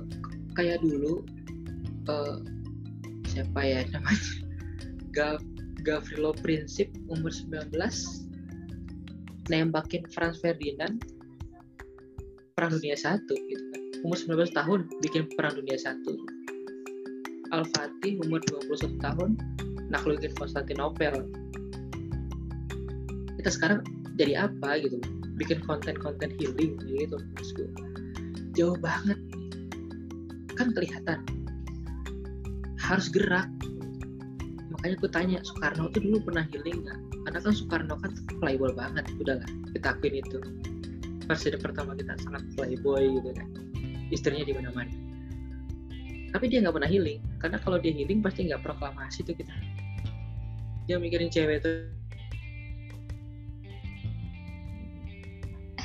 Nah kalau orang nangkep analogi itu kan berarti kalau orang nangkep analogi itu berarti eh kalau aku nih healing terus aku nggak jadi apa-apa gitu loh ah, iya, iya kan iya Oh, Al-Fatih. pernah, Hmm? pernah ini sih mas, pernah dengar podcastnya Panji apa ya, yang tentang uh, mood. Jadi ki- kita harus mengerjakan sesuatu berdasarkan mood gitu kan. Kan Iya. banyak tuh orang, misalnya mau belajar tunggu mood baik dulu deh. gitu. Nah terus sampai di akhir videonya dia bilang kalau misalnya kita tuh harus keras sama diri kita sendiri. Kalau Iya. kita nggak keras dengan diri kita sendiri, dunia yang akan keras. Saya Iya. sama diri sendiri aja kita kalah, apalagi menghadapi Nah, dunia yang begitu keras. Iya. Hmm, karena aku lihat orang-orang yang gak pernah healing itu sukses semua makanya kebayang nggak kalau Soekarno healing healing terus kerjanya kayaknya kita nggak bakal proklamasi kalau Al-Fatih itu healing terus kayaknya aku nggak bisa lihat naklukin Konstantinopel. Mungkin dia mikir gitu itu nggak bakal bebas tuh Konstantinopel. Iya. ya gitu kan. Tapi kita sekarang ya apa ya pelariannya pasti kata-kata ya zaman sekarang kan beda sama zaman dulu. Gitu. pelariannya itu pelarian pelarian yang bu- buatku apa ya jangan dipakai lah kelihatan banget lemahnya gitu. hmm. healing Mungkin eh, perlu ya, tapi secukupnya aja kalian. Maksudnya tahu batas cukup. Gimana kapan kita harus iya istirahat, kapan kita harus eh, juang lagi. Dan ya, kalau harus nggak gerak mm. sadar juga sih, kayak dunia itu ber, ber- berputar, jadi kita nggak ber, berputar? Iya. Ber- kebayang nggak kalau kalau bumi healing ya misalnya diam sejenak oh mati kita. Langsung. Iya. Ay. tapi ke kebayang nggak kalau memang Indonesia itu emang di, disuplai terus yang hal-hal kayak gitu? Sama mereka mereka elit Oh, tentang- orang tentang healing ini. Disuplai terus. iya yang konten-konten kayak gini-gini tuh. Orang luar negeri tuh aku mikir ya kalau nonton film luar negeri itu bisa loh mereka bikin uh, Endgame sejenis Endgame sejenis Spider-Man.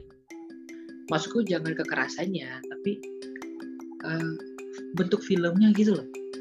Lebih ke ilmiah gitu kan kenapa kita di Indonesia tuh pasti harus ada romance-nya baru bisa menjual ya gitu loh Nah itu karena Iya. balik lagi karena mereka pikir eh, mereka mencari suatu ide yang eh, digemari oleh masyarakat kan mas karena Hmm. mereka juga butuh kan butuh penontonnya yang banyak supaya mereka bisa dapat income juga kan jadi mereka mikirnya yang paling penting adalah mencari yang banyak peminatnya lah di masyarakat tapi kan jadi Iya sih. misalnya masyarakat jadi korban kan Hmm. karena terpaparnya sama hal-hal itu Kemarin sempat ramai tuh yang layangan putus itu. yang apa para bapak-bapak marah kan istrinya Iya. jadi curiga karena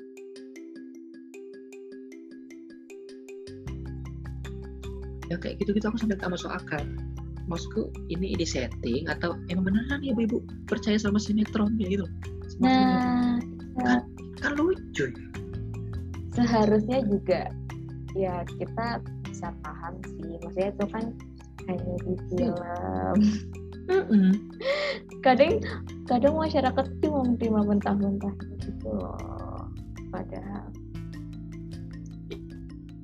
Ya memang sih film itu sedikit banyaknya mirip-mirip realita gitu. Ya karena kan dari mana sih ide penulis kalau nggak dari realita gitu kan? Paling imajinasinya adalah sedikit-sedikit. Ya cuma berarti kan ini ibu-ibu nganggur banget ya maksudku. Sampai dia termakan film ini berarti kan ya. nganggur banget kayaknya ya kayak gitu. Kadang tuh langsung diimplementasikan ke kehidupan Iya. gitu loh mas. Heeh. Berarti kan sehari-hari apa ya aku aku percaya orang yang menganggap eh orang yang percaya dengan satu hal itu sering dia omongin atau sering dia pikirin itu aja. Orang yang percaya dengan satu hal. Berarti kan kalau ibu-ibu itu percaya dengan adegan layangan putus antara dua aja. Dia sering mikirin atau dia sering ngomongin sama teman-temannya. Gitu loh oh iya ya atau dua-duanya. Atau dua-duanya. Berarti kan nganggur banget kayaknya ya sampai sering ngomongin layangan putus gitu.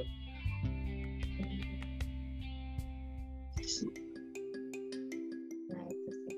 Nah itu juga bisa jadi gara-gara eh, aku nggak tahu sih sebenarnya karena aku juga belum berumah tangga bisa jadi karena apa tuh suaminya tidak mendukung si perempuannya untuk untuk apa ya untuk memperluas Bersosialisasi. ya bersosialisasi luas jadinya ya udah dia Dan ternyata saat dia bertemu dengan Eh. itu bahasanya kayak enggak temanku yang baru-baru nikah tuh banyak lah yang bikin story yang cewek-cewek ya Aha. maksudnya bikin story bikin story dulu uh, foto dengan temennya sekarang kan udah nikah. Ngap- upload foto dengan teman-temannya yang lama kapan ya bisa kayak gini lagi? Kayak gitu kayak Oh, maksudku waduh sesedih ini pernikahan kamu ya aku mau bilang kayak gitu. Maksudku, sampai nggak bisa banget ketemu kayak gitu ya. Ya bisa lah harusnya ya. Bisa lah harusnya sekali seminggu kayak gitu. Kok jadi sesedih terkekang itu kah? Nah itu sih mas. Aku tuh juga pernah ada di satu momen aku kayaknya aku takut nikah deh. Gara-gara aku takut aja hmm, kayak dikekang gitu ya? Ya benar benar benar malah lebih nyaman main ya? Iya. Makanya aku jadi mikir kayaknya aku lebih nyaman sendirian aja deh. Keasikan main jadinya. Hmm, karena aku takut ketika aku uh, terikat nih hubungan dengan dengan orang lain aku jadi nggak bisa bebas ketika iya. Karena kan pasti ada aja itu nanti larangan-larangannya sedikit-sedikit. Makanya itu perlu adaptasinya itu diadaptasinya yang ngerti apa yang kita mau ngerti apa yang dia mau kan. Kayaknya harus kayak gitu. Nah. Maksudku nggak tahu nanti. Aku aku mikirnya eh, karena kasihkan main kalau ada yang dikenalin dikenalin aja deh kayak gitu sampai mikir kayak gitu. Juga. Aku aku punya kakak cowok kan. Hmm, beda berapa tahun ya? Tiga tahun. Karena aku udah kerja gitu. Sampai aku tuh udah bilang ke ke masku kalau Hmm. misalnya aku udah give up eh, ntar aku dijodohin aja ya sama teman iya kayaknya karena aku kayak yang nggak lagi nggak nggak pengen aja kayak gitu. Terus aku takut kayak malah keasikan terus lupa mikirin itu kan. Jadi aku bilang ke masku kayak kalau misalnya aku udah menyerah ntar kenalin aja ya aku sama teman Bisa. Tapi tetap, tetap nyoba sih. Tetap iya. tetap tetap nggak tahu sampai kapan. Ya, ya. Ah, pernah juga kepikiran kayak apa ada yang mau sama orang yang asik dengan kehidupannya sendiri kayak gitu. Kau kan terlalu asik sama hidup sendiri ya. Apa ada ya yang mau kayak gitu? Sampai pikir kayak gitu. Iya, iya. pasti perlu adaptasinya sih mas menurut aku. Karena aku juga soalnya kalau Mm-mm. Karena udah udah nyaman sendiri dengan waktu yang lama Iya. terus tiba-tiba harus eh, datang orang nih yang kita harus Iya. bisa menjalin komunikasi yang baik kayak gitu. lebih intens malah ya. Iya benar, benar itu butuh butuh adaptasi sih. Kadang kita lupa aja kalau misalnya kita lagi dalam proses menjalin suatu hubungan dua Mm-mm. dua orang nih kayak gitu sih. Malah, takutnya malah kita kasihkan ke diri kita sendiri sampai akhirnya kita lupa kan. Kalau misalnya kita lagi anggap aja kayak bangun rumah bareng-bareng. iya sekarang aja sering sering lupa harus mencari gitu. Iya, benar-benar. iya Mungkin sekarang misalnya sekarang karena lagi kuliah jadi fokusnya iya kuliah dulu gitu. ya cuma kayaknya aku harus berpikir karena hampir selesai ini Karena udah mau selesai. iya. Oke. Tapi kalau apalagi ya enggak enggak tahu sih ini, tapi ini kalau misalnya nggak dijawab nggak apa ya mas. Kalau misalnya sosialnya eh, entah itu keluarga atau pertemanan Mas Amin sendiri eh, meng- ini enggak sih meng- apa ya bahasa halus yang mengkekang tuh? Kayak lebih sering nanyain gitu enggak sih? Kayak eh, kapan kalau oh enggak sih. Enggak. Cuma cuma mungkin dari dulu kalau ada acara kayak gitu. Mana pasangannya? Kayak gitu gitu Eh. aja. iya. kalau ya kalau untuk ke situ belum sih. Berarti nggak ada nggak ada keharusan? Nggak ada iya. Iya. Iya kadang-kadang malah malah kebanyakan teman sih yang nanya Oh "Ngapain iya? sih?" iya aku mah nggak maksudnya kalau Oh. teman-teman tuh kalau teman-teman tuh kalau lagi ngumpul pasti ada aja tuh yang nanya kan saling-saling nanya gitu. Kapan kapan kapan ininya nikahnya? Aku cuma heran aja ngeliatnya. Kenapa harus nanya itu sih maksudnya? Iya ya Pik- pikiran kalian cuma itu apa ya maksudku? Kok setiap ngumpul nanya ini itu sih? Benar benar. maksudku ya kalaupun aku nanti at- kalaupun siapa pun nanti nikah pasti diundang kan? Ngapain nanya-nanya gitu loh. Iya iya, benar benar. nggak mungkin dong. Lagi nongkrong sama teman dekat kapan nikah? Aku udah nikah kemarin. Nggak mungkin dia nggak diundang gitu loh. tunggu aja. Eh, nggak ada Iya orang. iya. Kemarin-kemarin aku capek sih ditanyain kayak gitu mas. Tapi kalau ya sekarang eh aku, aku aku bikin bercandaan aja gitu. oh sama keluarga dia bilang kalau misalnya di, ditanya mana Sama- Mora gitu. Hmm, Terus aku bilang sama hmm, sama keluarga? Oh sama keluarga. Paham. soalnya kalau di di keluarga aku eh kayak sepupu sepupu aku udah pada nikah sih yang cewek-cewek. Hmm, mungkin cewek kali ya. Kalau kan cowok ya. Ya jadi gitu agak ya. lebih di agak lebih di apa ya dibiarin kayak gitu ya iya dibebasin. benar benar benar. Gitu kalau ya harus pas sama dibilangin sih jangan aku malah dibilangin kayak jangan serius-serius kul- kuliah kayak kalian lah terus aku mikir nah emang bukannya kuliah itu ya belajar gitu ya kenapa ya jadi? belajar aja gitu kan. Kenapa jadi? Harus dan, dan harus serius kan? pacar ha. iya iya. Iya. Kayak gitu sih. Tapi kalau misalnya sekarang ya udah aku belajar bercanda aja. Apalagi kalau ketemu orang yang eh, hari ini baru jalan lusa ngechat lagi kita nggak jalan kan? Gitu. ya ampun ini kerjaanku nggak nggak cuma ngukur jalan ya gitu loh maksudnya. Hmm, agak mengganggu sih kayak gitu. Karena aku kalau sudah ada kayak misal aku lagi nulis buku misalnya harus selesai satu bulan. Itu kalau bisa jangan diganggu kayak gitu sih. Aku orang kecuali hari-hari tertentu kayak gitu nggak bisa sefleksibel biasanya gitu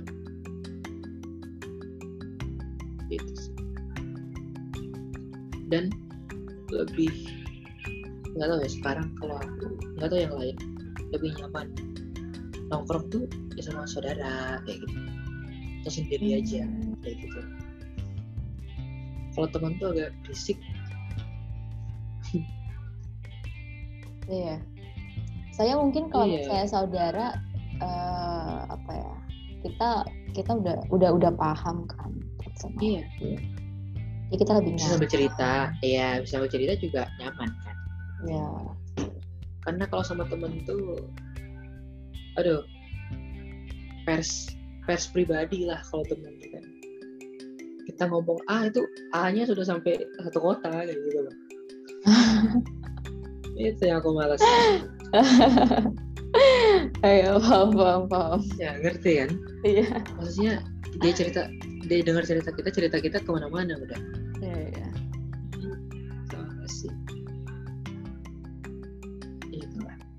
toxic relationship. Ini toxic relationship tapi bahasnya ke mana-mana ya mas? Tapi nyambung sih iya sejauh apa apa yang penting masih dalam hubungan-hubungan relationship. Sama apa ya? Nah kehidupan-kehidupan selebriti yang diupload di media sosial itu kan romantis ya terlihat mewah elegan gitu ya dan itu yang membuat kebanyakan orang aku juga mau dong kayak gitu gitu kan jadi bikin beban Iya benar. Padahal tuh kayak Instagram tuh kan ya pasti semua orang pengen pengen ngepostingnya pencapaian pencapaian mereka. Iya. Kan Kita juga nggak tahu ya di balik itu semua mereka ada masalah apa. Nah itu sih Iya. mas ya kadang tuh kita suka apa nelen berita mentah-mentah gitu loh tanpa kita eh, pikir dulu. Iya. Eh, ada yang suaminya ngasih ngasih mobil ke istrinya pengen juga kan. Hmm, Nah sajian-sajian kayak gitu kan bisa apa ya? Bisa hancur loh rumah tangga orang. ya benar. Apalagi Iya. dalam bentuk gambar, video itu kan Hmm. multitafsir banget ya. Iya. Iya. Jadi Hadiah pernik eh, hadiah pernikahannya liburan ke luar negeri kayak gitu. Sedangkan yang nonton ini nikah aja cuma sehari kelar kan iri jadi ya itu. Nah, bikin apa ya kalau jadi motivasi sih bagus tapi ya kalau jadinya harus banget nah itu pengennya instan. Makanya banyak masalah-masalah di rumah tangga kan. Ya mohon Jadi- maaf aja kayak mau maaf aja kayak misalnya ada kebutuhan atau keinginan yang nggak terpenuhi ya apa namanya jalan sama yang lain gitu walaupun sudah suami istri gitu nah itu yang disayangkan sih dengan tontonan-tontonan kita tuh benar. Jadi nggak lebih fokus juga nggak sih mas ke diri kita sebenarnya. Kayak kadang kita tuh nggak bisa milih apa yang kita butuhkan dan apa yang kita inginkan. aku pernah baca ya antara doa dengan bersyukur itu lebih tinggi mana lebih tinggi bersyukur ternyata karena kalau doa itu kan kita minta merasa kurang kadang-kadang kan. Makanya kita minta. Kalau bersyukur ya udah kita harus introspeksi nih kita punyanya apa? Ada lebih banyak orang yang nggak punya daripada kita gitu kan. Itu sih. Iya, benar-benar. gitu. Karena semakin banyak informasi yang eh, terpapar sama kita, kita tuh jadi lebih suka ngebandingin, jadi lebih suka apa ya? Karena lebih suka ngebandingin, akhirnya kita tuh kurang kurang bersyukur gitu atas apa yang udah dikasih ke kita. Nah itu jadi kurang fokus kan, kurang Iya. fokus ke diri kita jadinya. dan sekarang itu zamannya multitasking ya sampai-sampai kita tuh nggak bisa jadi monotasking Padahal yang dibutuhkan itu kan monotasking ya Ya, ya. supaya kerjaan kita ini bisa selesai malah ya kita skripsian atau tesis saja sambil lima menit ngetik ada chat masuk nih gitu Buka- Iya, buka, gitu, langsung ke distract atau, deh. Mm-mm. atau lagi nulis apalagi aku nggak bisa paling nggak bisa ngerjain tugas-tugas bareng orang Ya aku juga sih. Sama. karena ngobrol tuh pasti nggak kelar tuh tugas ngobrol. Kelar kelar sih tapi paling dua jam tiga jam perlu karena ngerjain ada teman ngobrol ngobrol ya pasti kalau nggak mau harus direspon kan Iya. nah itu jadi kita terlalu banyak multitasking sampai nggak ada yang jadi tuh Karena kadang eh, multitasking tuh dianggap suatu hal yang keren gitu loh, Mas. Iya, maksudku memiliki kemampuan dari eh, pada beberapa bidang, tapi nggak dikerjakan dalam waktu yang sama kan. Nah, iya. Tetap harus tetap harus mono kan, tetap Benar, harus benar. fokus kan. Benar. Gitu. Kalau misalnya aku, aku eh, misalnya belajar sama temen nih, aku ngasih Mhm. ngasih ngasih tahu temanku sih, pokoknya jangan ajak aku ngobrol 30 menit ke depan ya. Nih, Aku mau Kalau. Gitu. kalau lagi nugas ya. Iya benar-benar karena aku juga nggak nggak- terlalu bisa sih. Bahkan aku sebenarnya jarang sih ngerjain tugas di luar. Kecuali kalau misalnya butuh refresh. Kayak revisi aja harusnya cuma dua jam tiga jam, ya karena ada handphone, ada panggilan segala macam, ya jadinya seharian aja nggak kelar. Gitu. Jadi lupa sama fokusnya apa sih setiap tahun bikin resolusi terus tapi kita lupa sudah sejauh mana sih kita mendekati resolusi kita yang tahun lalu kayak gitu. Siapa ya, tipe orang yang bikin resolusi nggak sih? Tiap tahun. aku bikin itu sudah dari lama ini cerita ya aku bikin itu dari SMA akhir bikin tahunan bulanan mingguan jadi aku udah Oh. tahu udah tahu aku tahun depan harus ngapain harus apa apa yang harus aku dapat tahun depan gitu. jadi nggak ada lah resolusi tiap tahun tiap tahun kayak gitu emang sudah dari ini aja pokoknya bulan Januari harus selesai kuliah itu sudah sudah kebuat aja Jadi lebih Kan ke Hmm. resolusi jangka pendek ya. panjang aku udah tahu lima tahun tuh aku harus Oh, ngapain? Harus dapat apa? Aku harus mencapai titik apa lima tahun? Ini tahunan bulanannya ada mingguannya ada. Oh jadi panjang ada, pendek ada. Iya. Biar tetap on track kayak gitu kan. Kan kita terlalu sibuk. Biasa kebanyakan orang harapanku tahun ini cuma pingin diberikan kebahagiaan Iya. didekatkan dengan orang-orang baik kayak gitu kan biasanya kalau di Instagram Instagram ya tahun baru gitu Hmm. tapi aku cuma pengen nanya kalian buat tahun apa 1 Januari bikin resolusi kayak gitu di 31 Desember sudah dapat belum sih kalian hal yang kalian harapkan tanggal 1 kemarin kayak gitu Hmm. nah jadi untuk ber, untuk bertahan di track itu lebih susah daripada bikin resolusi sih menurut Aku setuju Iya. itu sih. iya. Konsisten dan bertanggung jawab apa yang Iya. kalau belum kalau belum kewujud ya ngapain bikin yang baru? Terus aja on track aja. Jadi benar-benar jadi aku nggak nggak pengen ya misalnya nih kayak orang-orang tuh kan di TV TV nyangka nggak sih kamu dulu bisa jadi kayak gini nggak nyangka itu aku nggak mau jawab kayak gitu gitu. Harus aku nyangka. pengen aku pengen jawab ya nyangka dong hidup tuh kan harus direncanain kayak gitu. Kan kita disuruh kita kan disuruh rencanain hidup sama Tuhan aku pengen ya kayak gitu. Dan harus fokus kerjain satu-satu. Dan harus fokus sudah selesai lanjut lagi kan kayak gitu ya. Perintahnya kan kayak gitu oh iya iya, aku gitu sih. Yang setelah selesai dari tugas yang satu. Iya. Mengerjakan tugas yang selanjutnya. Dan itu harus fokus kan dalam setiap tugasnya. Biar dapat hasil yang maksimal. Berarti sebenarnya resolusi itu nggak harus dibuat ketika pergantian tahun ya, nggak harus. Seharusnya lebih dimatangin dipikirkan eng- terlebih dahulu. nggak tahu sih tergantung masing-masing orang ya. Kalau aku kan kayak gitu. Dari akhir SMA ya udah buat. Aku harus tahu nih aku mau ngejar apa sih kayak gitu. Hmm. kan ada orang yang belum tahu dia mau ngapain gitu kan. Iya,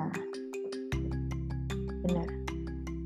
Ada juga orang yang dia eh, karena dia merasa hidup itu unpredictable, jadinya ya udah dia let it, nah. let it flow aja.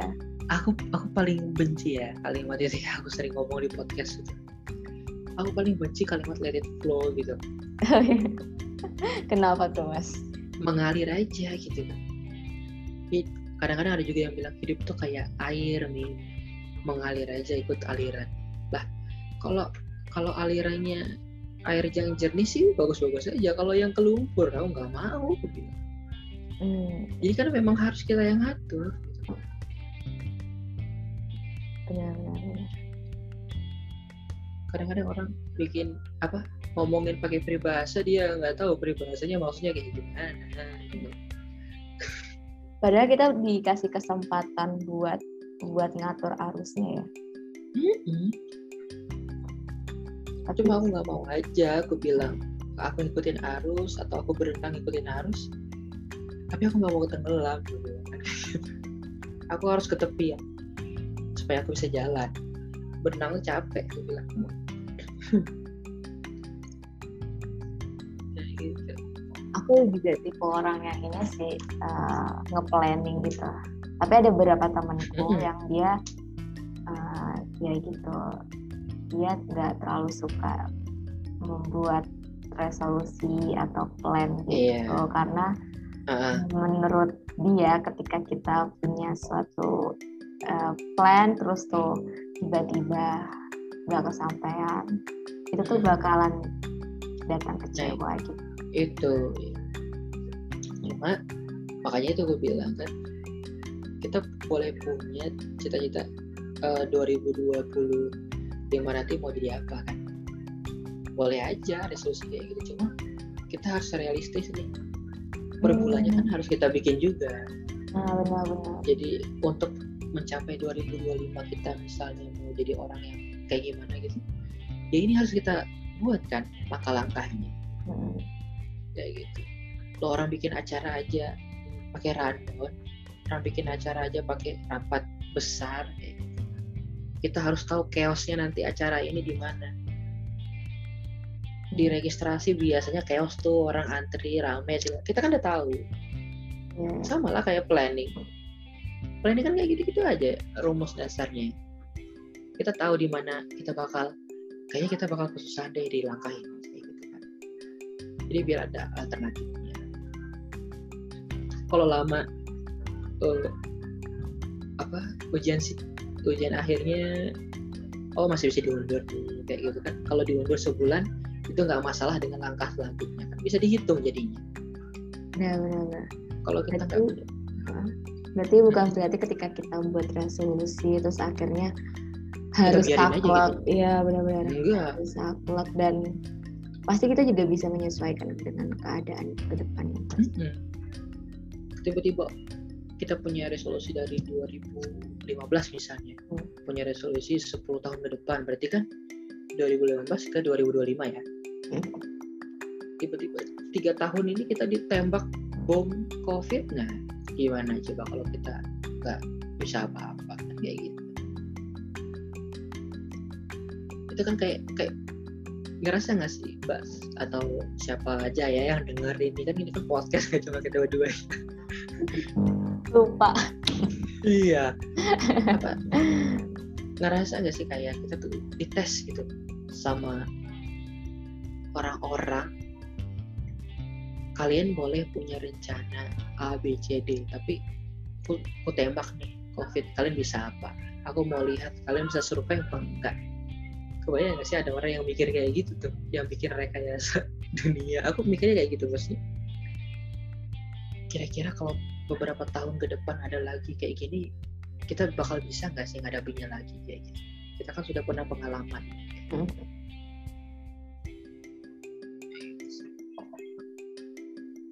karena aku lihatnya ke- kayak kita dicoba gitu loh. Kalau kalian nggak bisa apa-apa kalian cuma disuruh di rumah kalian masih bisa hidup kan kalian masih bisa cari uang kan kalian masih bisa makan nggak? Kayak gitu sih. Ternyata banyak yang gagal kan Terus aku eh, jadi mikir sebenarnya eh, apa ya, skill adaptasi itu tuh penting. Ya minimal kalau ada pakai di masa depan ya kita, kita sudah pengalamannya Hmm. udah bisa jarak jauh tuh sekolahnya udah bisa jarak jauh udah bisa nggak gaptek lah Malah kerasa nggak sih mas selama pandemi itu jadinya eh, banyak hal yang dipelajari. Maksudnya mungkin kita dulu sebelum pandemi nge-stuck di situ-situ aja tuh. Kalau misalnya Iya. rapat harus offline lah, padahal eh, bisa loh diefisiensikan waktunya. Kalau misalnya rapatnya secara online, Zoom, Iya. Google Meet itu kan baru di baru populer pas pandemi nggak sih? akhirnya rapatnya pun lebih efektif dan efisien kan lebih ke Iya. poin-poinnya aja Benar, nggak banyak uh, apa ngomongnya gitu. Benar, benar, benar. Nah kayaknya tuh kalau misalnya nggak pandemi kita nggak bakalan gitu. tidak makan. Jadi emang kita harus ditempa dulu tuh jadinya iya. belajar hal baru. Mm-mm. ya sosial kan juga kita pasti belajar. Kita pasti belajar. Yang masa bodoh punya rasa simpati. Ya kayak gitu kan bisa aja ada yang berubah kan atau tetap masa bodoh aja juga banyak. Orang Eh, kepatuhan juga sih. Kepatuhan. Kayak pakai prokes aja lah. Kita kan aduh negara kita tuh negara bersosial banget lah. Iya benar-benar. gila sosialnya tinggi banget negara kita tuh sampai eh, pandemi yang awal-awal aja tetap bertamu loh iya Iya. itu sosialnya sosialnya tinggi banget kita Silaturahmi Mm-mm. penting katanya. aku mikirnya orang luar negeri ini untung banget ada pandemi nih karena mereka kan emang bodo amat Udah sama udah terbiasa keluarga ya. ya. Mm-mm. kalau kita kan setiap hari aja pulang dari kantor pasti ke rumah tante ke rumah om. Mampir dulu. iya. Jenguk keponakan kayak gitu. Itu susah gitu.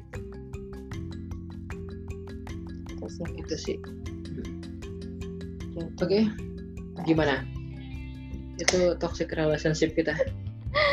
Ya udah udah berapa lama? Ini stop ini aku dua jam mau aku stop loh sekarang.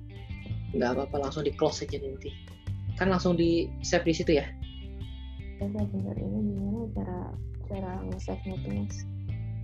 otomatis kok Recording. Oh iya. Mm-mm. nanti kalau di live langsung otomatis ke record Oh gitu. Oke deh. Berarti ini aku Oke. langsung stop aja atau gimana? ntar aja langsung live aja ntar Oke, siap. ini mau udah Udah. Oke ya. Lumayan loh. Nanti kita lihat. Di stop aja deh stop aja. Lihat hasilnya.